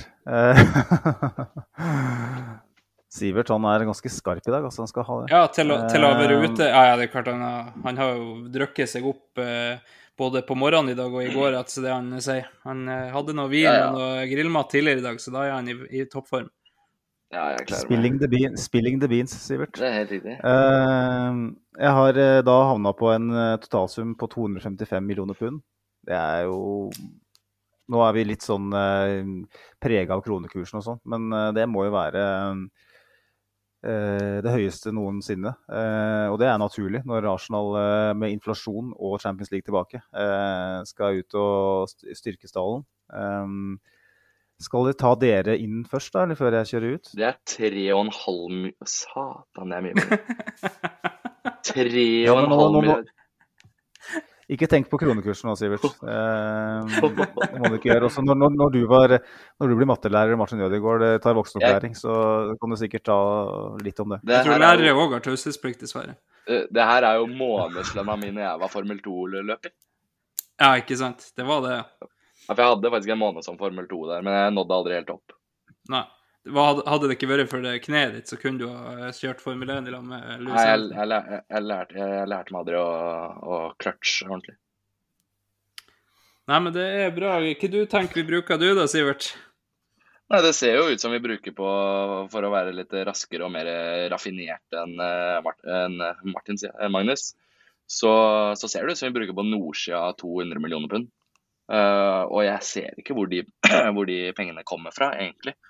Uh, altså, Det er ikke mer enn to år siden vi måtte beklager, sanksjonere uh, Gunnersaurus, kantinedamer, alt som var. Hadde jo ikke Snudde jo opp ned på hver krone. Uh, så, så, det er jo tydelig at det er budsjettert med et par spillersalg her. Og så er det jo selvfølgelig mye mer komplekst enn jeg tror. Det er installment, som sagt. Eh, Niklas Peppe Mm. kosta jo ikke 72 millioner pund, han kosta jo 16,5 den sommeren. Så, så eh, si at vi reelt eh, bruker 70-80 millioner pund den sommeren her. Eh, sånn tall tatt fra lufta. Eh, på regnskapet da, for 2023. Det er mye, det òg, altså. Det er veldig mye. Så det er ikke tvil om Mm. at det må komme litt ut her. Jeg tenker åtteårskontrakter er veien å gå. Eh, ref Jeg har sett at det men, funker eh, veldig bra med i ja, jeg tror vi- jeg tror vi kjører ti. Tror vi kjører ti, Ja, ja. for å være sikker. Eh, Det jo Dette her er jo en høyst akademisk øvelse, Sivert, uten seriøsitet i, bunnen. Så jeg tenker vi, vi, vi tar jo sluttsummen på kassalappen. Ja, vi må jo det. Eh, Men sånn helt oppriktig så må vi jo det. Eh, Vi kan jo gjøre som Chelsea da, og gi Enzo Fernandes da et år forlengelse med høyere lønn fra eh, 2028 til 2029. Det syns jeg var helt knall da de gjorde det eh, tidligere i sommer. Det hadde han fortjent. Ja, han gjorde, de gjorde det jo. Absolutt, absolutt. Det skjedde jo. Det skjedde jo. For han var jo så fantastisk god, det var den, eh, den forrykende sesongen de havna på på tolvteplass. Ja, det er veldig, veldig bra. Men, eh, men hva lander du på da, Sivert? Nei, jeg, det, men, to, eh, det, vi, vi, vi bruker nok 230 millioner pund. Ok. Jeg skriver 230 på uh, Sivert. Nei, vet du hva, nei. 200. 200. helt seriøst, jeg tror ikke vi lander alle som er rykta. Jeg tror vi henter Rice og Timber og Havertz. Hva blir det? Da er vi på Spørs litt hva du tar for, eh, for um, Ja, det- det blir Rice, 90, 90, 150 og så Timber og så en liten surprise. Det er 200. Ja, da 200 har vi skrevet 200 på deg, da. Uh, jeg tror vi ender opp på 95 for Declan Rice. Um, og så er det jo 40 for uh, Timber, og så er det 65 for, uh, for uh, Havertz. Da er vi på, på 210, sånn kjapt regna i mitt hode, i hvert fall. Eh, Dere er, dere er så søte som alle tror at vi får inn Rice. Ja, ikke sant. Men når du sitter her og tar den casen for det, så, så må det jo bli. Eh, og det er klart, eh, du har jo tross alt jobba som sportsdirektør og, og var nær å signere Martin Ødegaard her, så Nå må du være litt mer presis. Jeg jobba som sportsjournalist og intervjua Martin Ødegaard. Ja, det var sånn det var, ja. OK. Ehm, men eh, så tror jeg i likhet med Magnus at det kommer ei signering til. Ehm, jeg er på 210. Jeg tror vi får ei sånn her, sånn her eh, 25 millioner pund-signering en eller annen plass. Da er vi på 235 da, på meg. Um, Men da har dere, ingen av dere regna med en midtbanesignering til, da? Uh, nei, for jeg tror at Party blir, blir varende. Okay, Jeg- for det tror ikke Jeg jeg. tror, det tror ikke jeg heller. Jeg tror vi går inn i sesongen altfor tynt. Altså, vi, jeg ser ikke at vi bruker 250 millioner. Nei, men da er vi på eh, litt forskjellig basis her. Eh, Magnus er, er full sjømann. Eh, Sivert er tilbakeholden, og jeg legger meg på den gylne middelvei. Eh, Det er ordstyrerens jobb i den podkasten. Ja, jeg har jo skjønt det, så- Hvis du hører på, hvis du hører på Det er helt på merket, det, Simon. nei, men eh, det er veldig, veldig bra. Eh, da tenker jeg at eh, da har vi gjort jobben vår der. Eh, på det vi får inn Nå satte vi opp ei liste eh, før vi starta her, på de som muligens forsvinner ut. Uh, Magnus, skal du ta og lese opp den lista? Uh, kan ikke bare ta én og én og så sette opp min sum? Så, Det kan du gjøre. Kieran Tierney, 25 millioner pund. Mhm.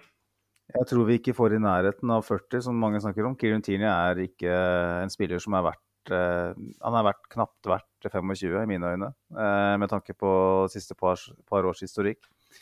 Balogun Skal vi si italienske klubber eh, er linka. Eh, 25 Ja, 27 setter jeg på han. Det er litt for lite i mine øyne, men eh, sånn er det når du er Premier League-spiller og skal til en annen liga. Da får du ikke Hadde det vært omvendt, så snakker vi en halv milliard. Eh, så jeg håper jo Crystal Palace eller Westham melder seg på. Eh, og det- Ketia, da får vi bare tro at han blir, da. Eh, hvis Balogen går. Sambil og Konga tror jeg går på et lån. Jeg tror Arsenal gjør klokt i å sende han på lån så for å booste verdien hans. Gjerne til Burnley, eh, til kompis eh, Company.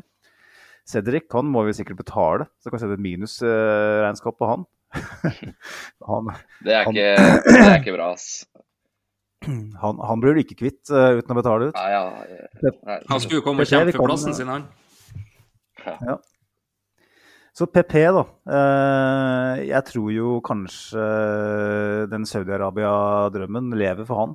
Eh, så jeg tar en råsjans og er mister positiv og sier 10 millioner pund på han. Rått. Det, er, det burde jeg ikke gjøre, sikkert. Rob Holding eh, blir meldt i hytt og gevær. Eh, jeg velger å tro at han går, hvis eh, Timber kommer inn. Tipper jeg 5 millioner pund på han. Eh, Thomas Party.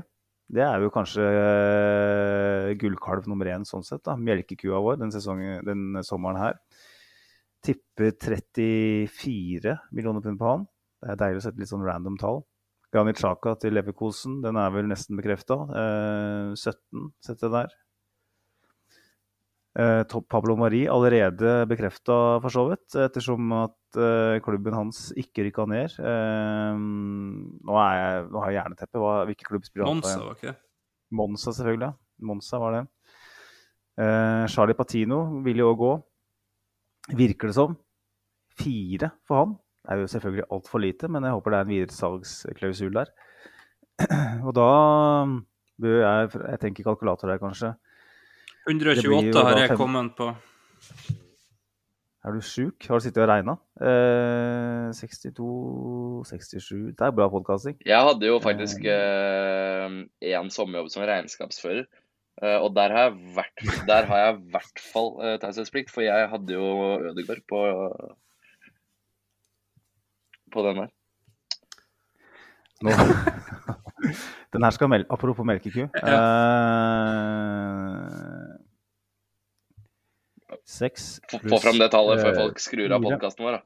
Fy faen, det er sjukt, eh, Andreas. Du blir vår nye hoderegner. Eh, vær så god. Rollen er din. Jo, eh, og så kan jeg jo si det at det var så enkelt at jeg satt med kalkulator mens du sa tallene. Okay. Men eh, jeg kan gjerne ta Eh, den, altså, og, og regne, på, regne i hodet. Men uh, så syk er jeg ikke. Men da tenker jeg det gir mening at da bare fortsetter vi med, med Sivert, og så tar vi nettoregnskapet til slutt. Det er litt spennende. Jeg har uh, en liten liste her. Uh, Starta med PP her. Uh, her tror jeg Saudi Og helt seriøst, det er ikke kødd. Altså. Jeg tror at det kommer noe Saudi på banen her. 15 millioner pund her. Oi, oi. Eh, Det syns jeg ikke er utenkelig i det hele tatt. Eh, Shaka 13. Eh, Holding, der eh, han, han tror jeg går. Der satt jeg fire.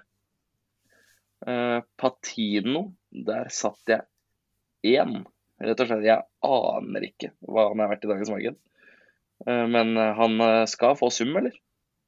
Kontrakten hans er ikke ute. Ja, jeg satt, jo, jeg satt og sum på han, og jeg tenker jo at uh, Charlie Patino uh, Altså en Champions League-klubb har, uh, har budsjett til å betale noen millioner Ja. for en, Jeg, jeg, jeg satt én, i hvert fall. La oss gå med det. Uh, Trusty, der satt jeg fire. Mm. Eh, for han eh, går. Cedric, der satt jeg null. Eh, Pablo Mari, der satt jeg tre. Eh, men dere hadde kanskje noe inside på det? Den er jo bekrefta for altså, seks, den. Ja, det Flott. Da kan du bomme på den opp til seks. Det er ikke noe gærent i. Og så har jeg både Tavares og Lokonga på 15 hver. Oi! Tavares er ikke dum, da. Får vi 15 for de to, da, da kommer jeg til å le hele veien til banken. Men Ja, eh, det blir spennende å høre på Tror du ikke Company går inn og kjøper 15 millioner sammen med Lokonga, eller? Du holder deg i Premier League med det? Kanskje en opsjon, kanskje en opsjon, men eh, Mm. jeg tror ikke hun betaler det umiddelbart. Eh, nei, jeg, jeg jobba ikke så lenge som regnskapsfører, altså. Men uh, Men, uh, men eh, Og så har jeg en til her.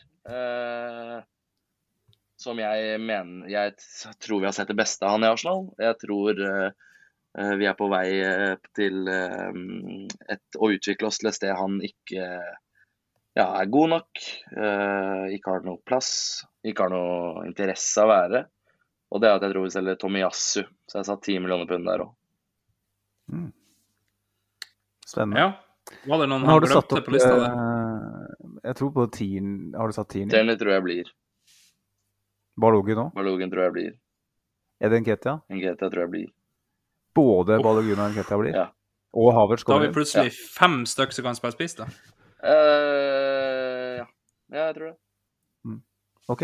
Da er du på 83, så langt jeg er kommet. Flott, det. Nettom blir ikke feil her, Sivert.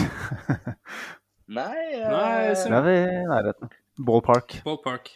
Ehm, da er det meg. Eh, skal du ta eh, oppsummeringa her imens, eh, Magnus, med kalkulator? For jeg gir ikke å sette øynene Eh. samtidig som jeg sjøl skal prate. Vær så god. Multitasking er vi dårlige på. Eh, Kieran Tierney, 25. Eh, da tror jeg vi skal være veldig fornøyd. Eh, Charlie Patino, 1,5. Eh, Rob Holding burde vi kunne få 7, hvis vi er veldig heldige. Uh, Cedric er null, det får vi ikke noe inn for. Uh, jeg tror Lokonga det tror jeg òg blir lån. Jeg tror ikke det er noe interesse av å selge han nå etter et uh, sånn lovende, men så bare elendig ikke avbryt, jeg vil nødig avbryte deg, men uh, når du sa oppsummering, så tenkte jeg netto versus brutto her, si. Men eh, jeg, har ikke, jeg, har ikke, jeg har ikke notert mens du har snakka nå. Ja, ikke sant, men da skal vi se om jeg husker det. Jeg sa vel Kieran Tierney 25. Ja. Rob Holding sa jeg 7. Ja. Eh, og Patino sa jeg 1,5. Jeg tror, tror ikke jeg har tatt noe Ja, jeg sa vel Cedric 0, men det sa så.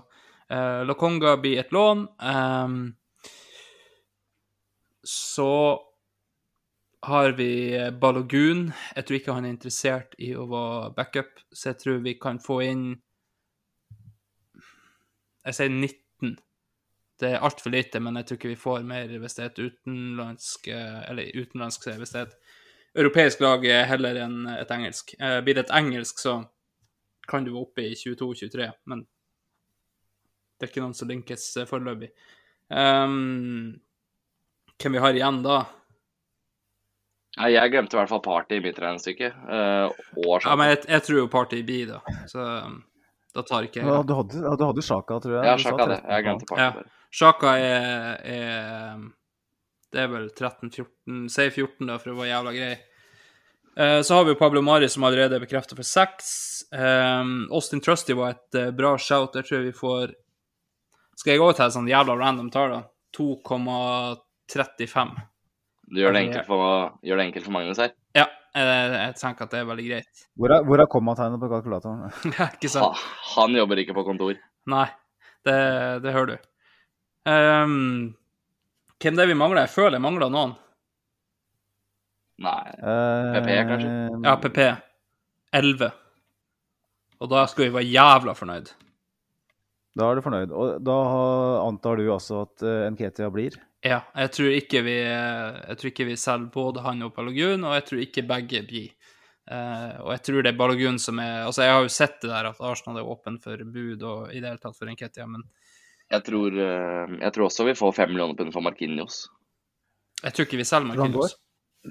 Men nå, nå tenker jeg at vi må, vi må lande det. Altså, Ja. Hvis ikke så blir klokka mye. Vi kan ikke justere i etterkant. Og jeg har Jeg glemte jo Trusty, men jeg har kanskje lagt meg litt for høyt på, på Sjaka. Jeg mener Dere snakker om 13-14, så er det kanskje noe jeg har uh, missa der. Men uh,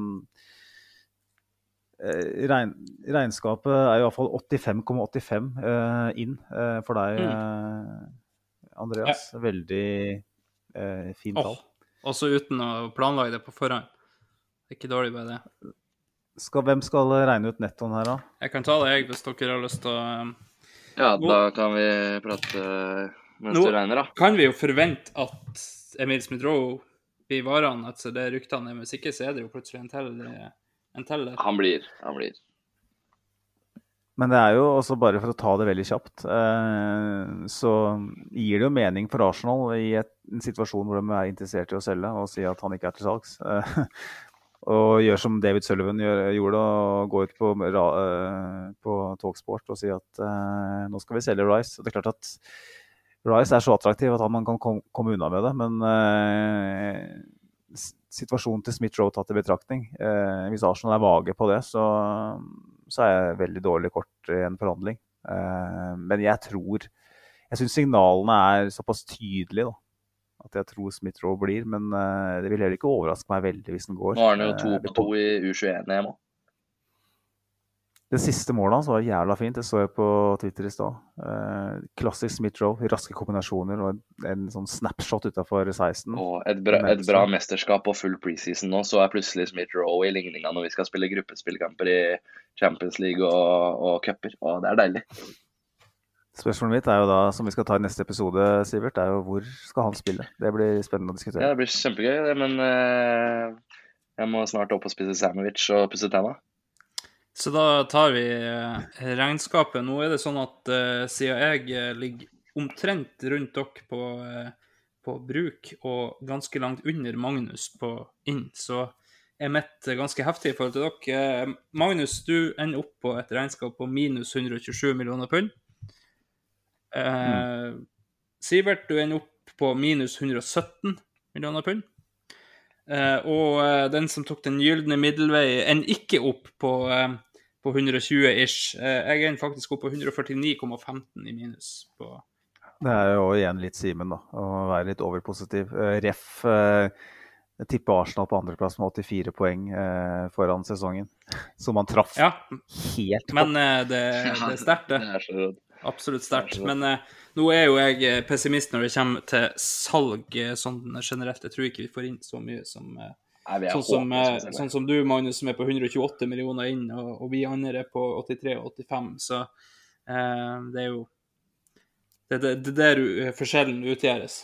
Nei, det er, det er nettoen som teller. Det er helt sant. Og da er jeg eh, ganske så positiv på pengebruk, tydeligvis. Da tenker jeg at vi kan eh, sende en eh, liten hilsen til Ski eh, og be Simen sende oss på innboksen. Hva tror du, Simen, som treffer på alt i prediksjonspodder? Og så kan vi ta med oss det når vinduet stenger 1.9. Eh, hvis han slår oss der òg, så er det kanskje på tide å Jeg stemmer for at vi lager en uh, Twitter, tror jeg, hvor lyttere også kan komme med regnestykkene sine. Jeg syns det er interessant. Absolutt, Absolutt. det kan vi godt gjøre. Jeg skal, eh, jeg skal på ferie nå eh, noen eh, periode, så jeg skal prøve å være litt på. Men som SoMe-ansvarlig, så vi finner, vi finner en løsning på det, gutta. Og så blir det jævlig gøy å se hva, hvem som treffer. Um, det, det er du som er ordstyrer, Andreas. Jeg merker det ligger litt i, i ryggmargsrefleksen min å, begynne å ta over. Men vi, vi må vel kanskje avslutte snart. Absolutt. Og det var egentlig der eh, jeg skulle inn som ordstyrer nå, og, og nappe i det store brekket og snart eh, trykke på den store røde knappen som vi har prata om før, Magnus. Ehm, det er rett og slett sånn at eh, skal vi kalle det sesongens første Arsenal Station eh, går mot eh, slutten. Ehm, det har vært helt fantastisk å debutere her. Får vi satse på at eh, at det var, ikke var en William som gjør det bra i første, og så går det bare rakt åt skogen, men eh, at det kanskje heller kan gå, gå eh, jevnt bra fremover. Um, da er det vel ikke så mye mer å si, gutta, enn eh, Magnus, du må ha god ferie. Um, Du, eh, Sivert, du, må, du får det travelt med alle de yrkene du driver på med, så du får bare kose deg. Ja, jeg har litt uh, ulike organisasjonsnumre bak navnet mitt på proff. Jeg har det, men uh, man skal ha noe å bruke tida si på. Uh, så må jeg gratulere deg med debuten din, gode, gode mann, Andreas. Eh, det, minner, det minner meg litt om eh, da Alan Shearer i 88 eh, kom inn 17 år gammel mot Arsenal og skåra hat trick. Han hadde jo ikke noe dårlig karriere. Nei, ikke sant? Da får vi satse på at det blir mer Alan Shearer. enn- jeg Alan Davis. Ja, fordi det som faktisk er litt interessant, da, som vi kan ta helt på tampen her, det er at i 88, den kampen hvor Shearer på en måte fikk navnet sitt i fotball-Europa, da satt jo jeg bak målet på Dedel. Uh, og, og, Ja. og, og så det Ja. sjøl. Og jeg satt jo da for så vidt ved siden av mora di og, klø, og, og klødde litt på deg på magen. Da. Oi, oi. oi. Og med det så tror jeg vi, vi får se at det er greit. Eh, takk for dere som hører på. Så eh, får jeg si ha det til deg, Sivert. Jo, i like måte. Følg Sivert pluss 10 for Rice-nyheter, og Pod Arsenal for Arsenal-nyheter. Ikke sant. Og så har jeg en fast jeg skal ut på, så fra meg så blir det Vi hørs. Og Magnus Ha det, ha det. Hei.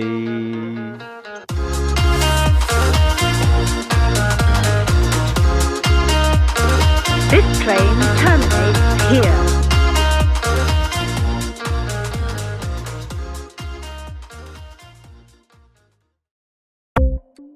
Ukens annonsør er HelloFresh.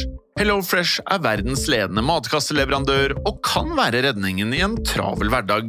Mange av oss har nok vandret i butikken både sultne og uten en plan for middagen, som ender med at vi går for de samme kjedelige rettene gang på gang. Middag burde være dagens høydepunkt. Som Hello Fresh kan du nå velge mellom 25 ulike retter hver eneste uke, eller få Hello Fresh til å sette sammen menyen for deg. Dette gir deg muligheten til å prøve nye og spennende retter alene eller sammen med familien. Du velger antall porsjoner og får alt levert på døren på et tidspunkt som passer for deg. Oppskriftene er enkle, og maten er lett å lage både for store og for små. Ved å få alt levert hjem får du også mer tid til å dele matgleden med familie og venner. Kanskje det frister med asiatiske tacos eller greskinspirert kylling? Da kan jeg anbefale deg om å gå inn på hellofresh.no. Her kan du bruke koden FOTBALL og få opptil 1779 kroner i rabatt på de første fem matkastene hvis du ikke har prøvd Hello Fresh tidligere. Du kan også bruke rabatten hvis du har vært kunde og stoppet abonnementet ditt for tolv måneder siden eller lengre. Gå inn på hellofresh.no og bruk koden FOTBALL. Har du et enkeltpersonforetak eller en liten bedrift? Da er du sikkert lei av å høre meg snakke om hvor enkelt det er med kvitteringer og bilag i fiken, så vi eh, gir oss her, vi. Fordi vi liker enkelt. Fiken superenkelt regnskap.